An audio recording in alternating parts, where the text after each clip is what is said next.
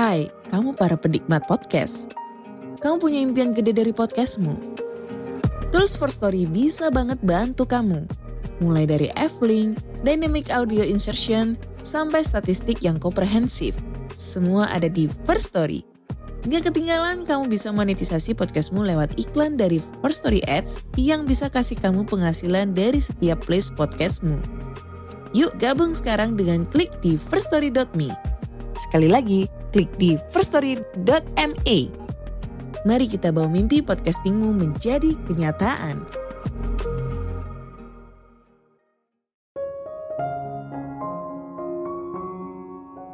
Kolaborasi sudah tidak bisa dipisahkan dalam dunia kerja modern. Tapi sayangnya banyak sekali kolaborasi yang kebablasan. Alhasil bisa bikin kamu jadi burnout. Halo semuanya, nama saya Michael. Selamat datang di channel saya, Sikutu Buku. Kali ini saya akan bahas bagaimana tips menjadi anggota tim yang baik. Ini merupakan rangkuman dari video TED Talk Rob Cross yang berjudul How to be a team player without burning out dan diolah dari berbagai sumber. Menjadi anggota tim yang baik merupakan keahlian penting yang harus kamu kuasai. Di tempat kerja modern, kolaborasi ibaratnya sudah jadi sesuatu yang tidak terpisahkan. Kamu tidak bisa lagi bekerja sendirian. Di dunia kerja, kamu dituntut untuk bisa bekerja sama dengan orang lain untuk menyelesaikan sesuatu, entah sebuah proyek atau secara reguler bekerja sama. Namun sayangnya, walaupun kolaborasi itu sangat penting, ada kalanya kolaborasi justru bisa kebablasan. Kita mungkin saja diajak meeting, tapi sebenarnya tidak ada kontribusi atau nilai tambah yang bisa kita berikan. Lama-kelamaan, hal ini yang bisa bikin kita jadi burnout. Sebelum kita mulai, buat kalian yang mau support channel ini agar terus berkarya, caranya gampang banget. Kalian cukup klik subscribe dan nyalakan loncengnya. Dukungan kalian membantu banget supaya kita bisa rutin posting dan bersama-sama belajar di channel ini. Tim dibentuk dengan berbagai alasan. Mungkin saja untuk mengerjakan sebuah proyek bersama atau bekerja bersama secara reguler. Apa pun itu, energi dan kreativitas dari sebuah grup bisa mencapai hal besar dalam waktu yang lebih sedikit. Dalam sebuah organisasi apa pun, menjadi anggota tim yang baik tentunya akan berpengaruh besar pada karir yang kamu jalani. Jika kamu menciptakan impresi yang baik di depan atasan, kamu tidak pernah tahu kesempatan apa yang akan diberikan. Nah, apa kualitas untuk jadi anggota tim yang baik? Pertama, fleksibel. Kolaborasi itu bicara soal kompromi. Ketika berhadapan dengan tantangan yang sulit atau deadline yang ketat, maka masing-masing anggota tim harus bersedia bertemu di tengah. Mulai dialog tentang apa yang logis dan tidak, dan berusaha untuk mengakomodir masukan dari anggota tim yang lain. Kedua, mendengar secara mendalam. Kolaborasi itu bukan soal bertukar ide dan saling bicara, tapi yang lebih penting, masing-masing orang harus belajar mendengar.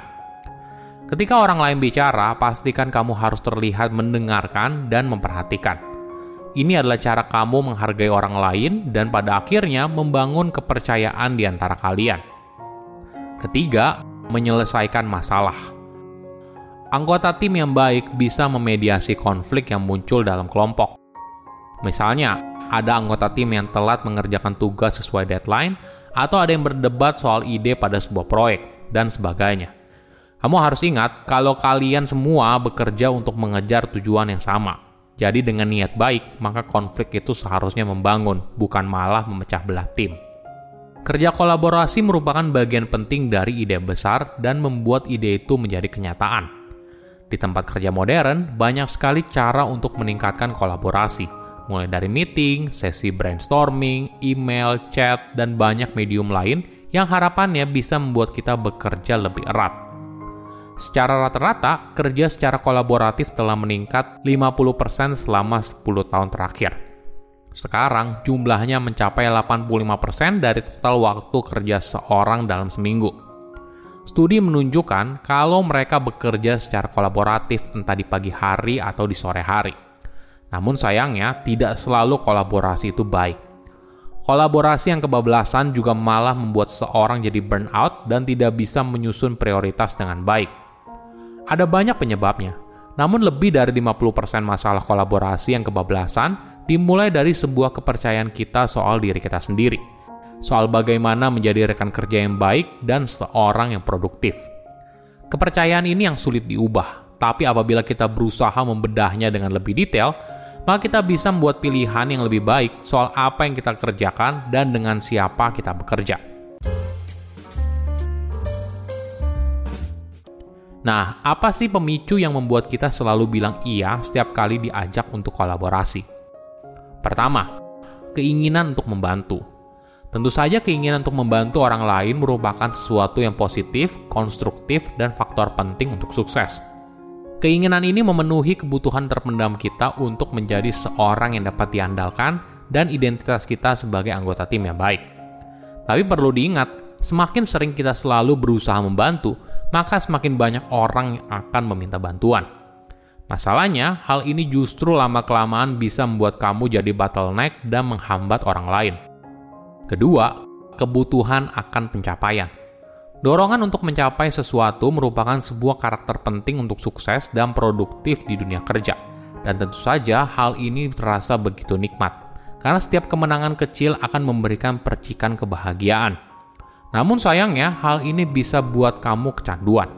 Halhasil, kamu lebih termotivasi untuk menyelesaikan banyak masalah kecil untuk orang lain dan menghindari masalah besar yang sering kali berkaitan dengan kesuksesanmu. Ketiga, rasa takut. Boleh dibilang di era sekarang, hidup kita sering kali dipenuhi oleh rasa takut. Rasa takut ketinggalan proyek yang menarik, peluang yang lebih baik, tempat kerja yang lebih baik, dan sebagainya kamu merasa perlu untuk menjadi bagian dari sesuatu. Cemas karena hal ini ibaratnya merupakan kesempatan terakhir. Selain itu, rasa takut kehilangan kendali juga sama buruknya. Hal ini membuat kamu sulit untuk mendelegasikan pekerjaan atau terhubung dengan orang di sekitar, sehingga kamu selalu mengerjakan apa pun sendirian. Kita juga mungkin merasa takut atas omongan orang lain. Kita takut dianggap buruk oleh orang lain Alhasil, kamu jadi sering kali bilang iya dengan cepat dan mudah untuk memuaskan orang lain. Sayangnya, semua rasa takut ini justru membuat kamu memilih keputusan yang tidak produktif dan pada akhirnya membuat kamu jadi burnout.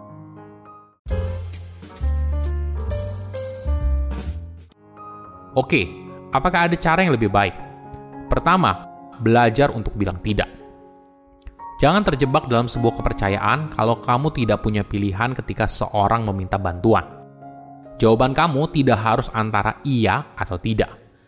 Ketika kamu mendapat permintaan dari atasan atau rekan kerja, kemungkinan besar mereka tidak tahu apa yang sedang kamu kerjakan. Kamu bisa menjelaskan proyek apa yang sedang kamu kerjakan dan tenggat waktu yang mendesak. Jika kamu tidak punya sumber daya yang tersisa, maka kamu bisa mengatur ulang kapan kamu harus menyelesaikan pekerjaan tersebut atau mendelegasikannya ke orang lain. Ingat, ketika kamu bilang iya pada seorang, artinya kamu bilang tidak pada orang lain. Jadi, hanya katakan iya pada hal yang benar-benar penting buat kamu. Kedua, delegasikan pekerjaan. Buat batasan antara pekerjaan yang memang butuh keahlianmu dan pekerjaan dengan resiko rendah yang bisa kamu delegasikan kepada orang lain. Dukung orang lain untuk bisa maju secara pribadi dan profesional. Jangan lupa juga untuk merayakan ketika orang itu berhasil mengerjakan tugasnya dengan baik. Jangan buru-buru bilang kalau kamu bisa melakukannya dengan lebih baik. Ketiga, perhatikan apa yang kamu inginkan dalam kehidupan profesionalmu.